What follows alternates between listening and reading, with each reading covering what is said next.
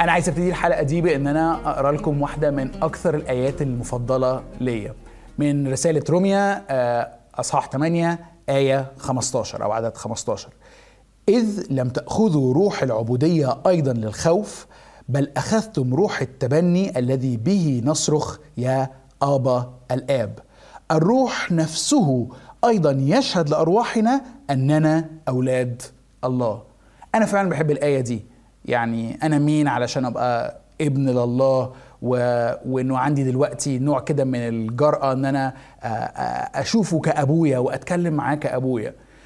أنا عارف إن دي حاجة ممكن تبقى صعبة وناس كتيرة تستغرب منها إن المسيحيين بيشوفوا نفسهم كده بس لو شايف دي غريبة شوف اللي بعدها بقى. الآية اللي بعدها على طول بتقول فإن كنا أولادا فإننا ورثة أيضا ورثة الله ووارثون مع المسيح.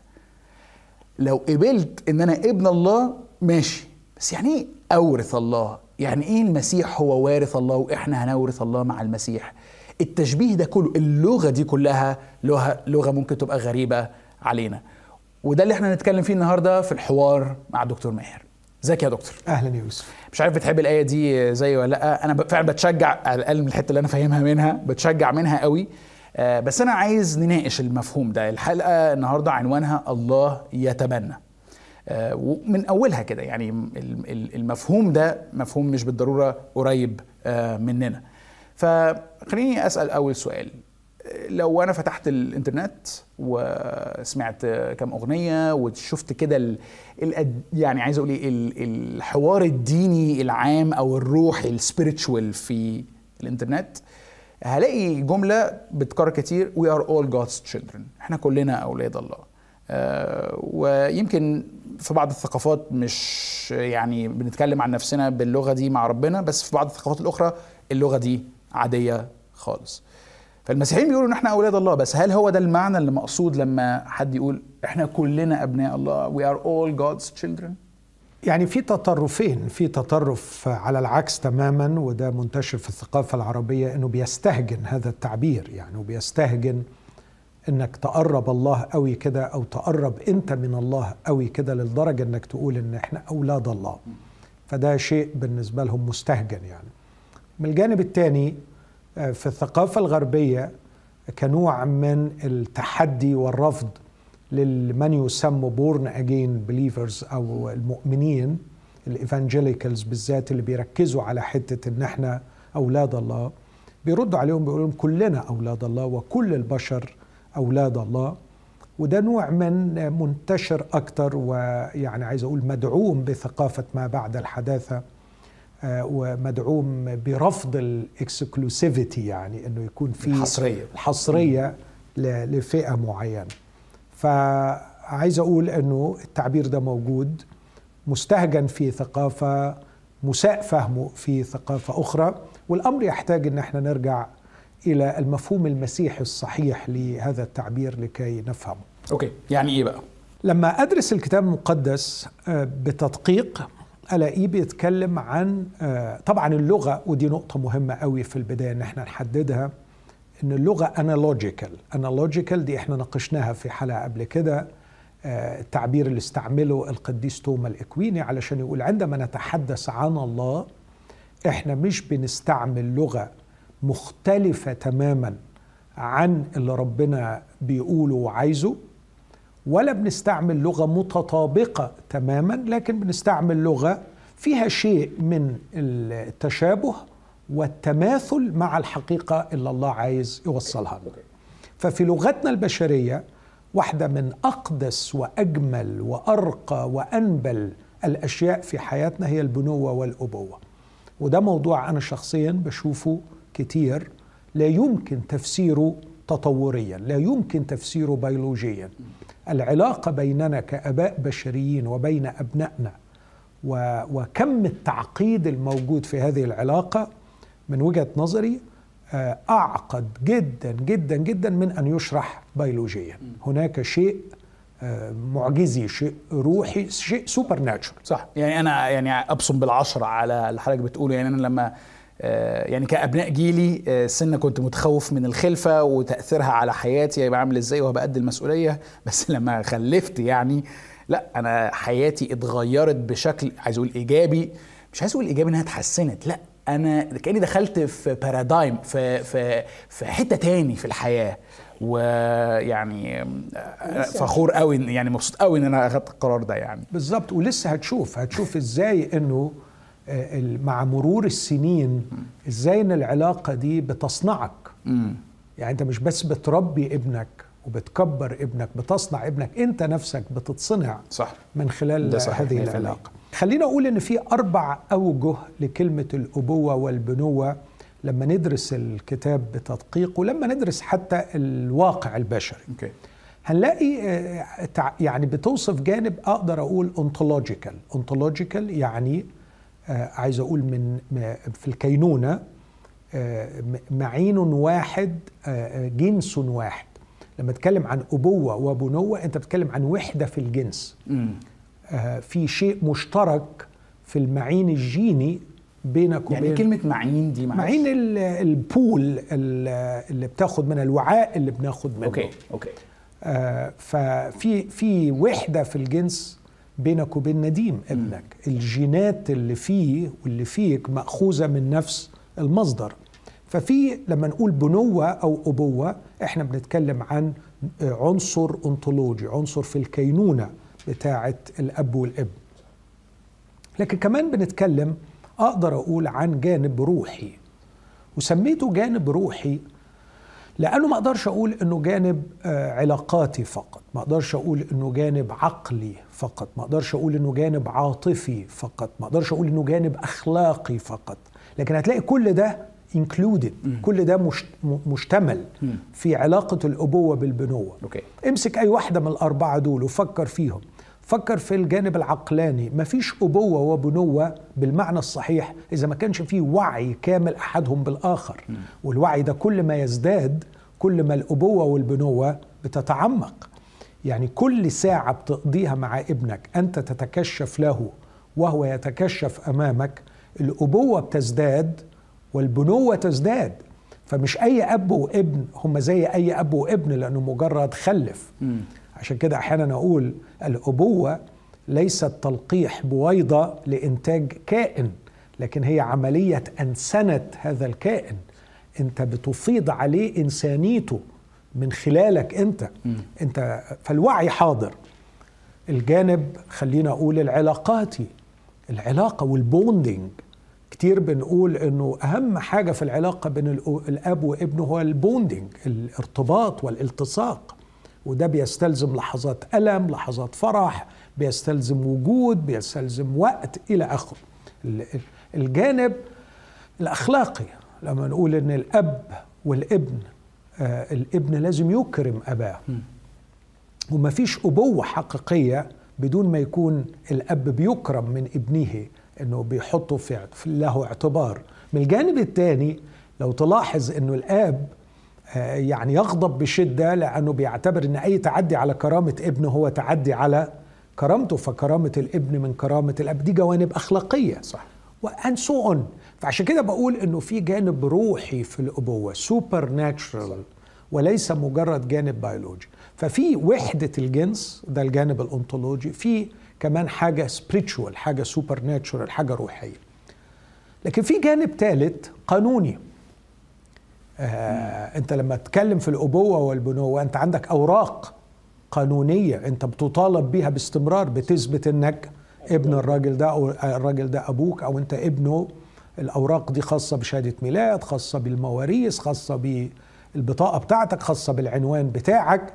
يعني أنا غيرت عنواني. آه ابني راح لإدارة المرور يغير العنوان في الرخصة بتاعته. كل اللي مطلوب منه أن يثبت أنه ابني بشهادة ميلاد وبطاقتي. ففي جوانب قانونية في العلاقة. صح. الحاجة الأخيرة الجانب الوظيفي. وده ربما دلوقتي مختلف شوية لكن لما تبص للتاريخ البشري لغاية من 100 سنة فاتت بس النجار بيجيب نجار. مم. الفلاح بيجيب فلاح.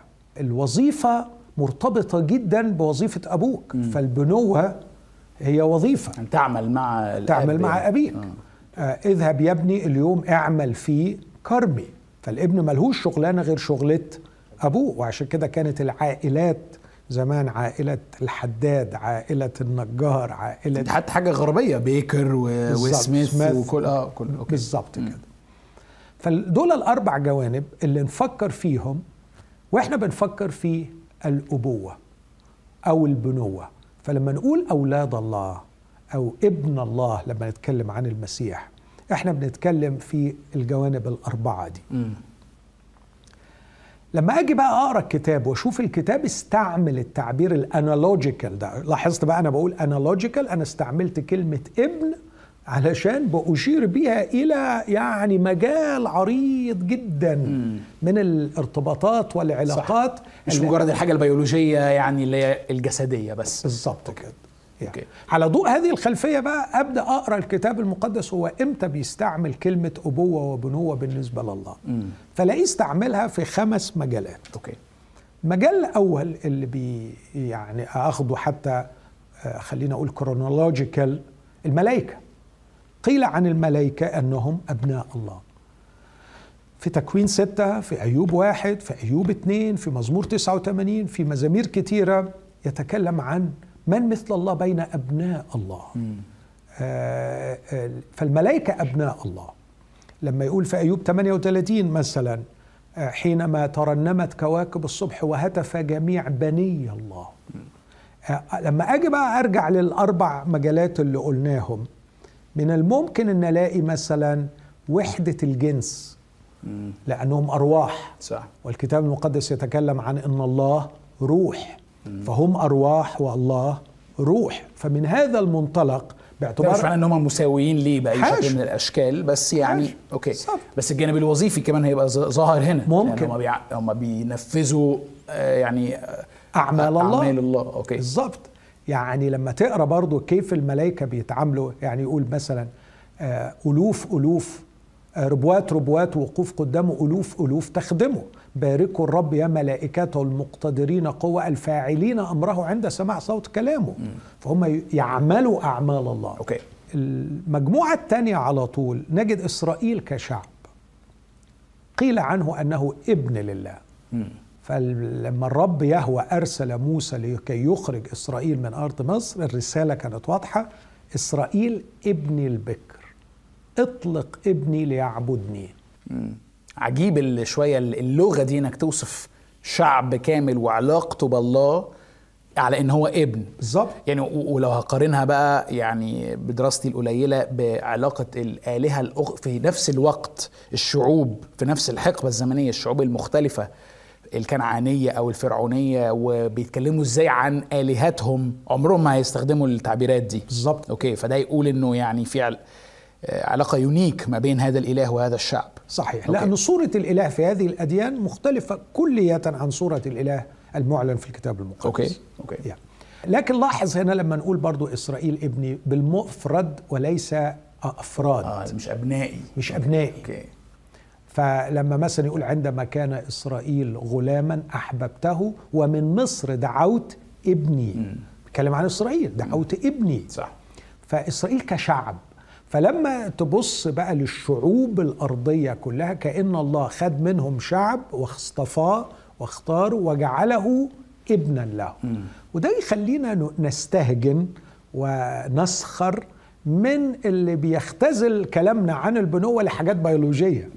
يعني مفيش هنا بقى المعنى البيولوجي خالص. صح صح. فنشيل من الفكر خالص فكرة إن الله حاشا ليه يتزوج والكلام الفارغ ده.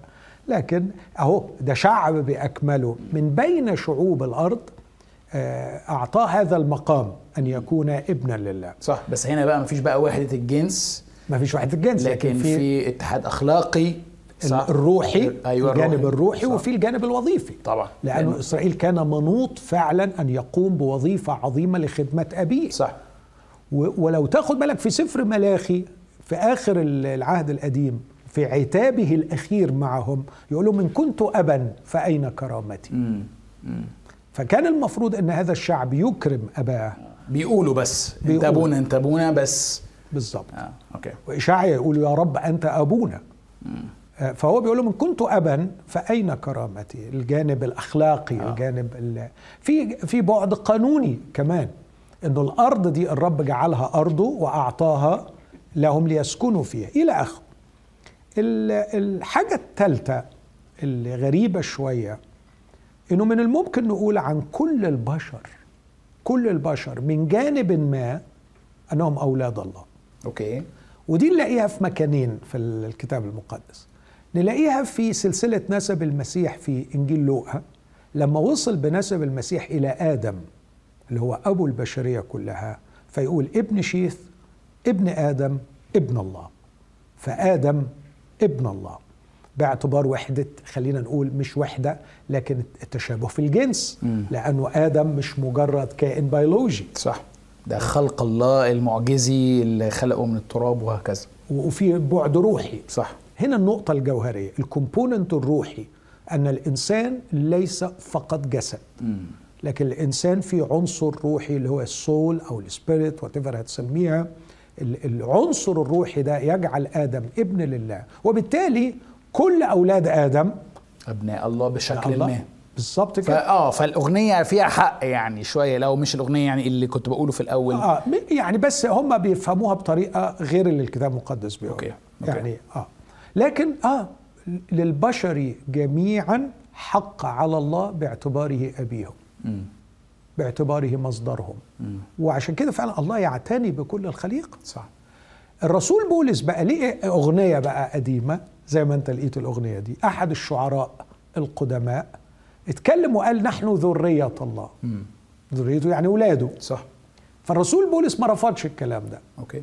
بل بالعكس خدوا ك argument بقى ضد الوثنية فقال لهم إذا قال, بعض شعرائكم أننا ذرية الله فإن كنا ذرية الله فكيف يكون الله شبيه بالحجر وبالخشب. إذا كنت أنت بتقول أنا جاي منه وأنا روح فكيف للروح أن يكون آتين من المادة okay فبي يعني كأنه بيحاول يهاجم عبادة الأصنام والأوثان يعني بالظبط أوكي. حلو. جدا فده ال- الجانب الثالث. آه، يبقى الجانب الرابع وهو القمة المسيح. آه، المسيح ابن الله. وطبعا برضو لما نقول ابن الله حط الجوانب الأربعة اللي إحنا اتكلمنا فيها. آه، فإحنا بنتكلم عن وحدة الجنس أو إحنا بقى في المسيح بنقول وحدة الجوهر. أيوه. لأنه الإعلانات اللي جات لنا عن المسيح باعتباره ابن الله بتتكلم عن وحدة في الجوهر أنا والآب واحد مثلا. صح. لكن كمان فيها البعد القانوني فيها البعد الروحي فيها البعد الوظيفي. آه، لما يقول لك مثلا الله لم يره أحد قط الابن الوحيد الذي هو في حضن الآب هو خبر. من يكشف الله إلا ابن الله؟ فالمسيح له بعد وظيفي في جو في في وضعه في اللاهوت أن يكشف في اللاهوت للخلائق الأخرى. آه، في أكثر من مرة تتكرر الكلمة ابن الله الوحيد. والترجمة بتاعت كينج جيمس القديمة كانت عاملة مشكلة لأنها اعتمدت على مخطوطات حديثة بعض الشيء فكانت دايما تترجم بالإنجليزية the only begotten son و only begotten يعني الابن المولود أو المولود الوحيد لله. فكلمة مولود دي ما هياش صحيحة. النسخ الأقدم بقى ال- اليونانية اللي اكتشفت فيما بعد ترجمة King James اللي هي في القرن السابع عشر آه، اكتشفوا إن الكلمة اللي ترجمت begotten هي كلمة monogenes وكان زي ما يكون في خطأ بسيط في إحدى المخطوطات أدت إلى هذا لكن monogenes معناها وحيد الجنس. فلما نترجمها دقيقا نقول the one and only. آه. مفيش حد زيه. مفيش حد زيه. okay. وأنا قصدت أقول دي علشان أقول إنه آه, آه, آه من الممكن أن يكون الله له أبناء كثيرين من منطلق الأربع جوانب اللي قلتهم لكن عنده ابن واحد وحيد only the one and only. مم. اللي هو ابن الله الوحيد. صح. الذي لا يقارن بأي نوع تاني من أنواع الأبناء. بالظبط يعني إحنا بنقول عن أنفسنا وده اللي هنجيله إن إحنا أبناء الله كمسيحيين لكن ملهاش يعني علاقة بالابن الوحيد. أوكي. الابن الوحيد وحدة في الجوهر مع أبيه. آه، والنوع الخامس والأخير هو المسيحيين الحقيقيين المولودين من الله اللي يقول عنهم في إنجيل يوحنا اصحاح واحد أما كل الذين قبلوه فأعطاهم سلطانا he gave them the right الباور أو القوة أو السلطان أن يصيروا أولاد الله. أي المؤمنين باسمه. فواضح جدا إنهم آمنوا فصاروا أولاد الله. وعلى فكرة في نفس النص ده بينفي النواحي الجسدية في حتة أبناء الله. فيقول الذين ولدوا ليس من جسد ولا من دم ولا من مشيئة رجل بل من الله. فالمسألة ما هيش مسألة جسدية اطلاقا لكنها مسألة روحية. فدول الخمس آه، خلينا أقول قرائن أو سياقات اللي الكتاب المقدس بيتكلم فيهم عن إنه الله له أبناء. تحفة التقسيمة دي. يعني أو يعني أنا كان في بالي الخمسة بس لكن يعني كالعادة بكتشف معاني أكبر وأوسع للحاجات اللي إحنا بنتكلم عنها. طيب يعني لو همسك بقى في الخمسة بقى فعلا إنه مسيحيين آه، بيتكلموا إنه إحنا لينا علاقة المسيحيين المؤمنين يعني اللي هي أوكي إحنا بنستخدم التعبير ده ودي برضو ليها حلقة لوحدها إنه آه، إحنا بنفكر إنه المسيحية مش شيء يورث مش شيء بالبطاقة لكن لازم يبقى فيها عنصر إرادي اختياري قرار شخصي واعي إلى حد ما الشخص بياخده للاتحاد بالمسيح لقبول الخلاص اللي اتكلمنا عنه الوقت اللي فات. والحد ده آه، هو ده اللي بيسمى فعلا ابن الله الآية اللي حضرتك قلتها خلينا نقول ابن لله. ابن لله. okay. علشان عشان ابن الله دي اللي هي المسيح. أوكي the, ابن لله the one and only حلو قوي. Yeah. الحتة بقى اللي هي حتى عنوان الحلقة إنه الجهة الخامسة دي إنه هذا النوع من البنوة الطريقة التي بها نصير أبناء لله هي بالتبني. okay؟ هو ده تعبير برضو يعني عايز أقول إيه؟ صعب برضو. ليه بقول صعب؟ لأني التبني آه، بي لو أنا عندي ابنين واحد مخلفه واحد متبنيه okay؟ فالتمييز هنا هو إنه بحاول أقول إنه واحد آه، جاي مني واحد لأ أنا اخترت إني أتبناه. فهل هو ده المعنى المقصود لما الكتاب بيتقال إن إحنا يعني إن الله اتبنانا؟ okay. حلو السؤال يا يوسف. هو وأنا بشكرك إنك أنت وده اللي أتمنى إنه يعني البرنامج يكون بيساعد القراء اللي بيقروا الكتاب المقدس إنه ما يفوتوش. يعني لما تلاقي حاجة غريبة آه، النمو في الكتاب المقدس عمره ما هيجي إنك بتقرا وبس إنك تيجي وتقف قدام الصعب واللي مش مفهوم واللي مش مستساغ. صح. خليني أقول لك إنه تعبير التبني ما استعملوش غير الرسول بولس وذكروا خمس مرات فقط في كل العهد الجديد. أوكي. ولما تقرأ وتعرف السياقات بتاعته تفهم حاجة في غاية الجمال ممكن لو وقت الحلقة التاسع ندخل فيها بتفصيل أكتر. لكن خلينا نرجع تاني ونقول يا ترى ال Greek literature الأدب اليوناني أو الكتابة اليونانية في ذلك الزمن الذي فيه كتب بولس واستعمل هذا التعبير رسول بولس استعار من اللغة البشرية المحيطة به هذا التعبير لكي يصف الحقيقة الروحية التي أعلنت له بإعلان إلهي معجزي بالروح القدس. فخد بالك من دول حاجتين مش حاجة واحدة. إنه الناس دول لما كتبوا ما كتبوش من دماغهم لكن كتبوا بإعلانات إلهية أعلنت لهم.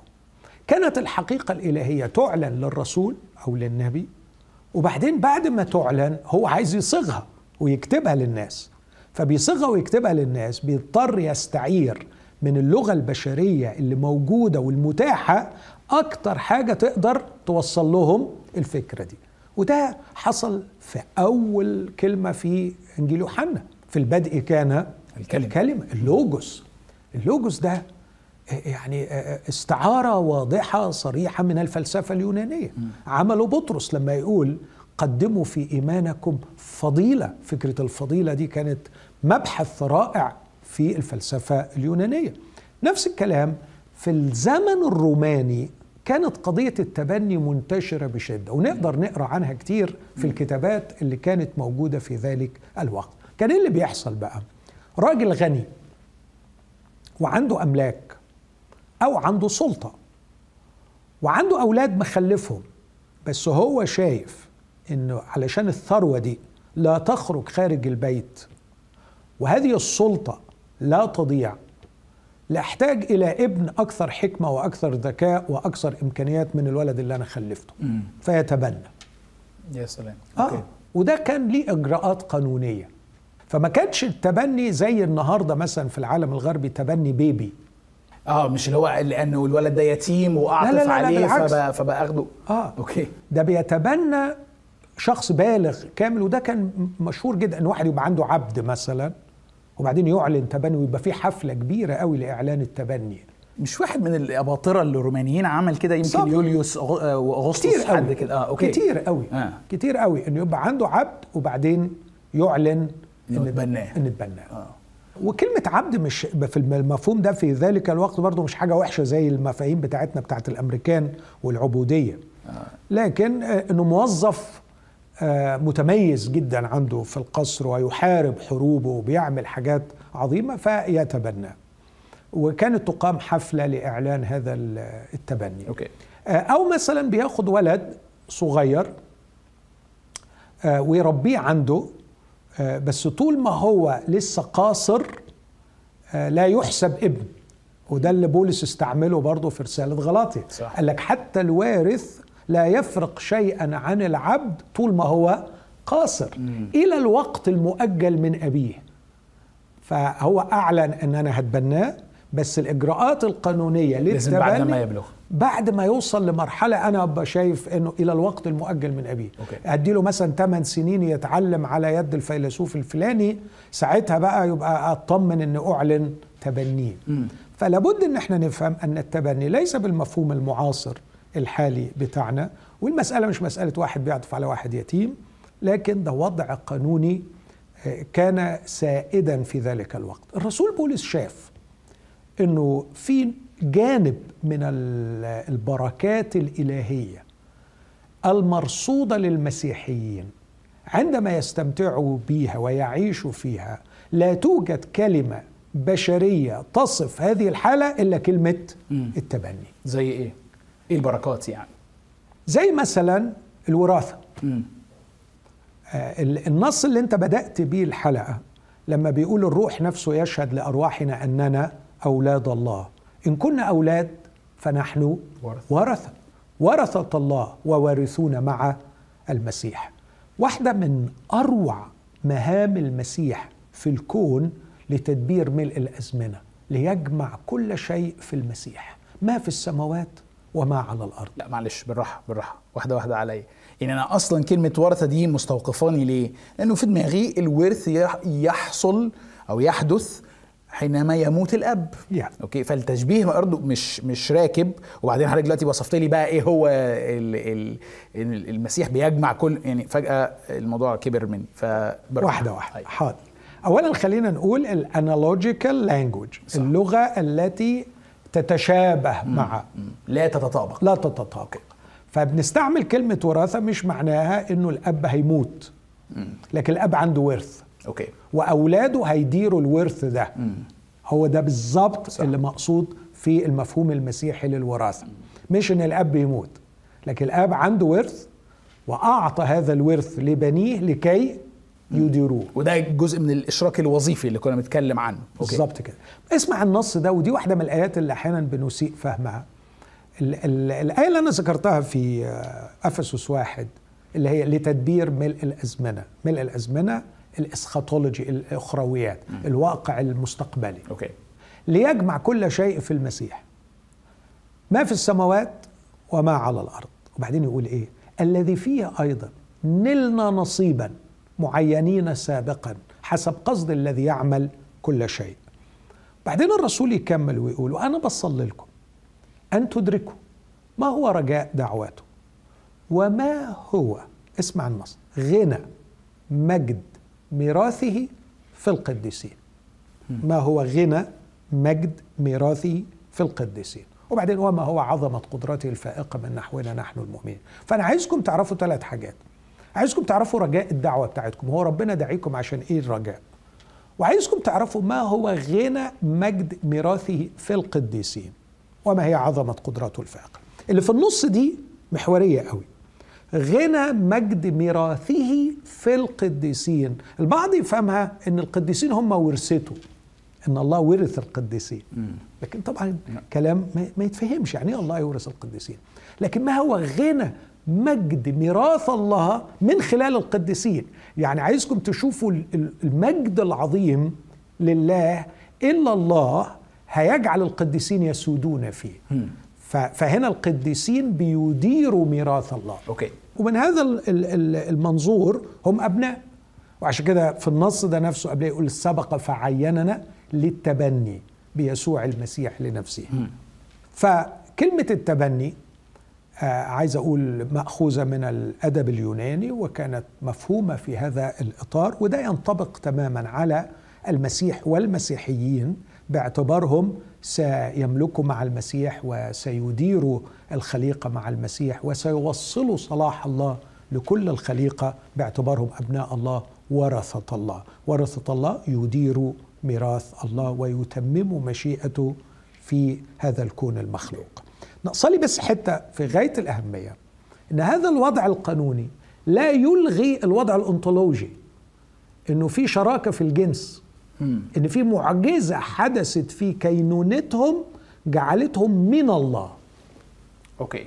عشان كده الرسول يوحنا وهنا بقى ده تخصص يوحنا. يوحنا لما يتكلم عن أولاد الله يتكلم بمفهوم مختلف شوية أو بيدي بعد غير بتاع بولس. بولس يركز على التبني. لكن يوحنا يقول نحن من الله. كل من يحب فقد ولد من الله. فبيتكلم عن الوحدة الأنطولوجية إنهم واخدين حاجة من طبيعة أبوهم م. لأن الله محبه من لم يحب لم يعرف الله لم يولد من الله لأن الله محبة ففي الاختبار المسيحي لما تتم عملية المصالحة وتحصل فيك حالة الريستوريشن الافتداء والاسترجاع. انت مش بس بتصالح مع الله انت بيخلق فيك شيء جديد من الله يجعلك ابنا لله. عشان كده المسيح قال لنيقوديموس في يوحنا ثلاثة إنه لا يقدر أحد أن يدخل ملكوت الله إن لم يولد من الروح. وبعدين يقول المولود من الروح هو روح. أوكي. ففي كينونة روحية جواك حتة من الله تجعلك تنتمي لله كابن وبعدين يحدث التبني. التبني بقى بيوصل في لما بولس يشرحه لو وقفنا بقى قدام الخمس آيات اللي ذكر فيهم التبني إنه لأ بيعمل حاجة إضافية فوق الارتباط الأنطولوجي إنك خدت حاجة من طبيعة الله إنه بيسكن فيك الروح القدس. واحد من أسماء الروح القدس روح التبني. م. ومش بس روح التبني هو روح يسوع المسيح. أوكي. فيخليك تكلم الله كما يكلمه المسيح. ويخليك في علاقة على يعني مستوى هو مستوى المسيح. أوكي. إيه بقى؟ يعني إيه هو المستوى ده؟ آه. على الأقل حاجتين. يعني الأمر الأول هو حجم التكشف الإلهي لينا اللي يمكن أن نحصل عليه بسبب وجودنا في المسيح. آه نوع العلاقة الأبوية الرهيبة لدرجة إن إحنا نقول له يا آبا زي ما المسيح كان بيقول له. لما تقرأ صلاة المسيح في يوحنا 17 تحس إنهم موجودين في منطقة روحية تانية خالص غير بقية الخلائق. يقول له أريد أن الذين أعطيتني يكونون معي حيث أكون أنا لينظروا مجدي لأنك أحببتني قبل إنشاء العالم ويكون فيهم الحب الذي فينا وأكون أنا فيهم. فده وضع روحي إلى أبد الآبدين آه، في تقدر تستقبل كل محبة الآب اللي متجهة للابن. يسوع المسيح. دي الحاجة الأزلية. أنت تقدر تستقبلها وتغمر بيها. أوكي.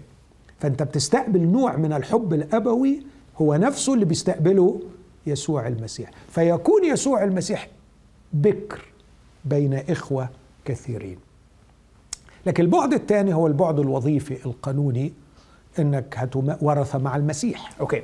طب يعني أنا عندي حاجة كده في دماغي عايزة يعني إذا جاز التعبير أسقطها في في الصورة اللي حضرتك بتتكلم فيها.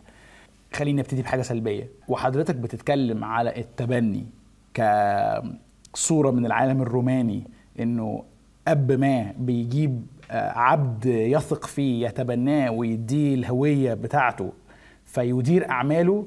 ما عليك سنة اتفصلت يعني إيه اتفصلت بمعنى إنه أحبطت. لأن أنا بالنسبة لي فكرة التبني فكرة آه، عاطفية جاية يعني. يعني دافعها المحبة مش البراجماتيه يعني هنا تحس إيه؟ واحد خايف على أملاكه وجاي عايز واحد يحافظ عليها جوه. لكن أنا لما كنت بفكر في فكرة التبني بحس إنه يا ده اختارني.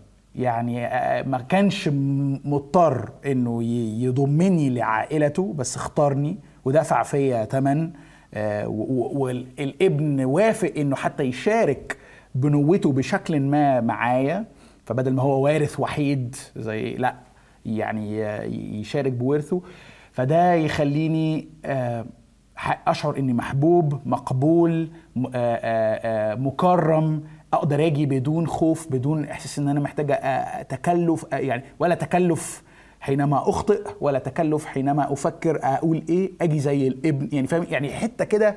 زي ما نديم بيجي لي أي نفس ال concept ده انه أنا بروح لله فأنا بقى الصورة ال- العاطفية الحلوة دي رغم إن أنا مش شخص عاطفي بس الحتة دي يعني sweet spot عندي يعني مش عارف ألاقيها في اللي حضرتك بتقوله لحد. دلوقتي عشان ثلاث حاجات آه. اولا أنت تجاهلت إن إحنا بنقول اللغة analogical yes لا تصف كل الحقيقة. فالأبعاد اللي انت قلتها دي موجودة وبعمق في هذا الأمر. النقطة الثانية إن ال connotation اللي هو ال- المعنى الشائع لكلمة التبني عند الناس دول كان إيجابي جدا ورائع جدا وإنه أي حد يحلم إنه ال- ال- الراجل الملك ده يفيض عليه بمحبته وهو طبعا مش بيبقى براجماتي بيعين موظف. Yeah. هو بيبقى ابنه فعلا بيتبناه. لكي يعطيه كل شيء بيعطيه له كل أملاكه. okay. فالجانب العاطفي موجود. الحاجة الثالثة بقى اللي أنا قلته أنا قلت إن في جانب أنطولوجي مزدوج. إنه في ولادة من الروح وفي سكن روح التبني اللي هو روح يسوع المسيح.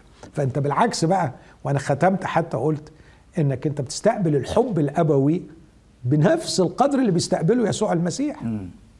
فال... آه فاللي أنا قلته ده موجود في طبعاً. بتقوله بس كأن أنا اديته كده إيه أنت رحت واخد الحتة دي آه. من اللغة آه.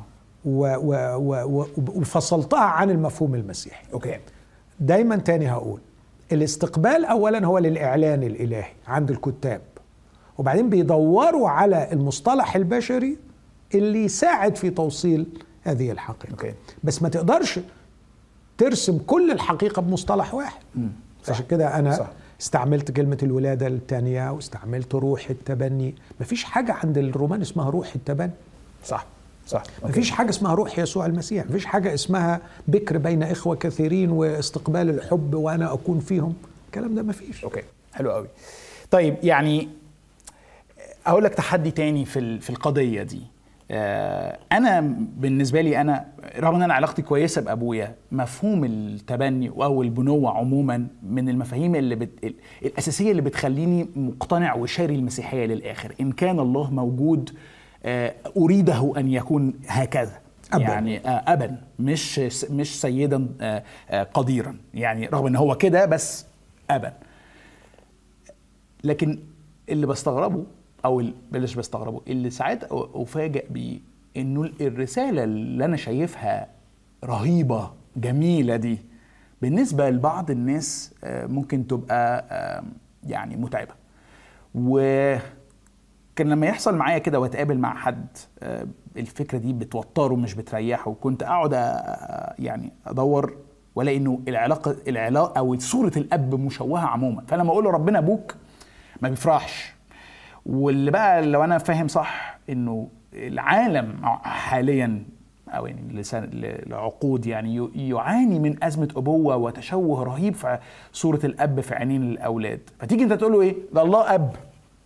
ف تخيل حد قاعد قدامك دلوقتي علاقته فعلا سيئة بأبوه أو عنده مفهوم خاطئ أو وحش عن الأبوة. آه وأنت دلوقتي عايز تصالحه على الفكرة دي. تعمل إيه أو تقول له إيه؟ أوكي. يعني عايز أقول آه، مش من الذكاء أنك تبدأ تقدم الحقيقة الجميلة دي آه، لواحد عنده مشكلة في ال receptors بتاعته. هو الجهاز بتاعه بيستقبل كلمة أبوة باستقبال سلبي. صح. والنهاردة أنت عندك كم رهيب من ال literature اللي بيتكلم مثلا عن ال patriarchal community مثلا ال- المجتمع الأبوي. وإن المجتمع الأبوي ده حاجة سيئة. ليه حاجة سيئة؟ لأنه يعني لديهم التسلط والقهر. هذا هو المجتمع الأبوي. فأنت برضو محتاج تبقى حساس. أنت بتكلم مين؟ وجهاز الاستقبال بتاعه. فعشان كده دايما بقول نعمل cultural exegesis قبل ما نعمل biblical exegesis. تفسير. تفسير للثقافة قبل ما تفسر الكتاب المقدس. أوكي. يمكن الاحتياج هو الكلام مع الشخص هو عن المخلص ال Saviour المخلص قبل ما يكون الكلام عن الأب لأنه الأب في من وجهة نظره هياخد مش هيدي. الأب هيتسلط ويقهر مش هيحرر ويعتق. فربما الكلام عن المخلص يكون أسبق وأفضل في الحالة دي. أوكي. فالأمر يحتاج إلى إرشاد الروح القدس وإلى الحكمة. آه، فكيف تربح النفس وكيف تتحدث معها ده محتاج نعمة وإلهام من الله مع حالة كل شخص.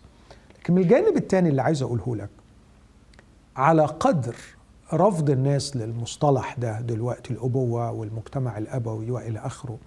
لكن عندك الدراسات العلمية من جانب وعندك الواقع العملي من جانب تاني. الاتنين بيصرخوا بأعلى صوت بيقولوا محتاجين للأب. يعني الدراسات العلمية كان عندي آه، حاجة اللي هي بيسموها systematic review دراسة معمولة على دراسات. أيوه.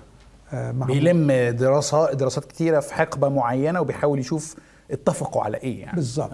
آه. ففي واحدة من الدراسات لمت 17 دراسة معمولة على أولاد المدارس ومعمولة من جامعات مختلفة وفي بلاد مختلفة كلها في أستراليا آه، على غياب الأب وتأثير هذا على الأطفال. طلعوا ثمان مجالات متبهدلين في حياة الأطفال بسبب غياب الأب. وصلت إلى المناعة حتى تخيل. Yeah. آه. أوكي. فال... مش معقول. آه الولد المحروم من أبيه حتى المناعة بتاعته بتتأثر. فواضح إنه physically محتاجين للأبوة.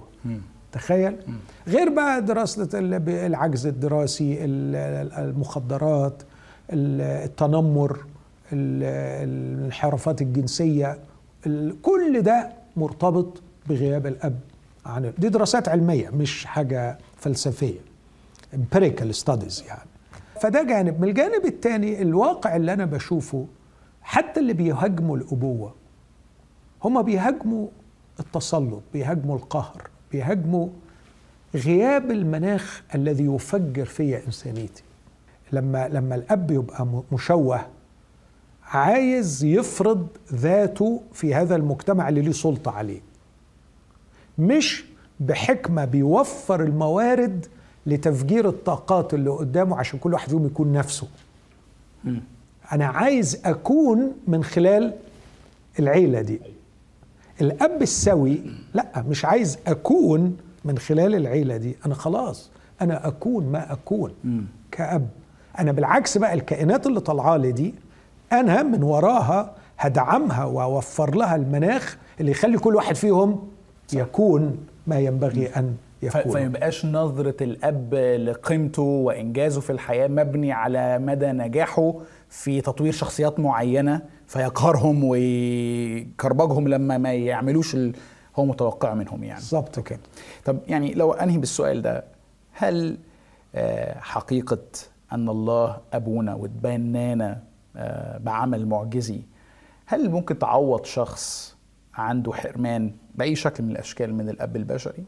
بكل تأكيد وبكل يقين بل عايز أقول لك إنه بعد مرحلة معينة أنت كإنسان طبيعي ما تكفكش أبوة أبوك مهما كان أب مثالي. أوكي. وتظل أعماقك عطشانة لأبوة الأب السماوي. أوكي. فكأنه ال- الأب ال- الم- المقصر أو ال- الوحش هو آه، صرخة جوايا أنا محتاج أب أفضل وإنه الأب الكويس هو عينة عينة عن. ال- ال- الأب الأسمى يقدر آه، يديهوني. صحيح. أوكي. لا هي فعلا حقيقة يعني تستاهل إن الواحد آه، يبقى مسيحي بسببها نعم. بصراحة. أشكرك يا دكتور ماهر. شجعت تعزيت كالعادة وأنا بتكلم مع حضرتك. أشوفكم في حلقة قادمة من حوار مع دكتور ماهر سمو